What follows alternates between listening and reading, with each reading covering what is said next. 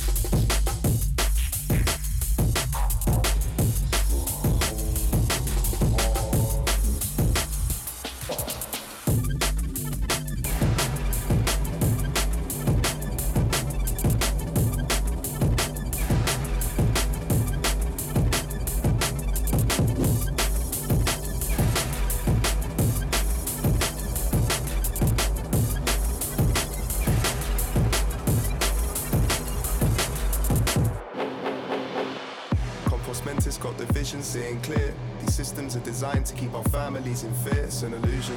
The end game of society is near. Attack your human inhibitions indirectly. Commandeer all of your urges. Our bias is routinely weaponized. Pitching neighbor versus neighbor, but nobody's asking why we are divided. And yet the pretext is a lie. Where independent thought has now declined.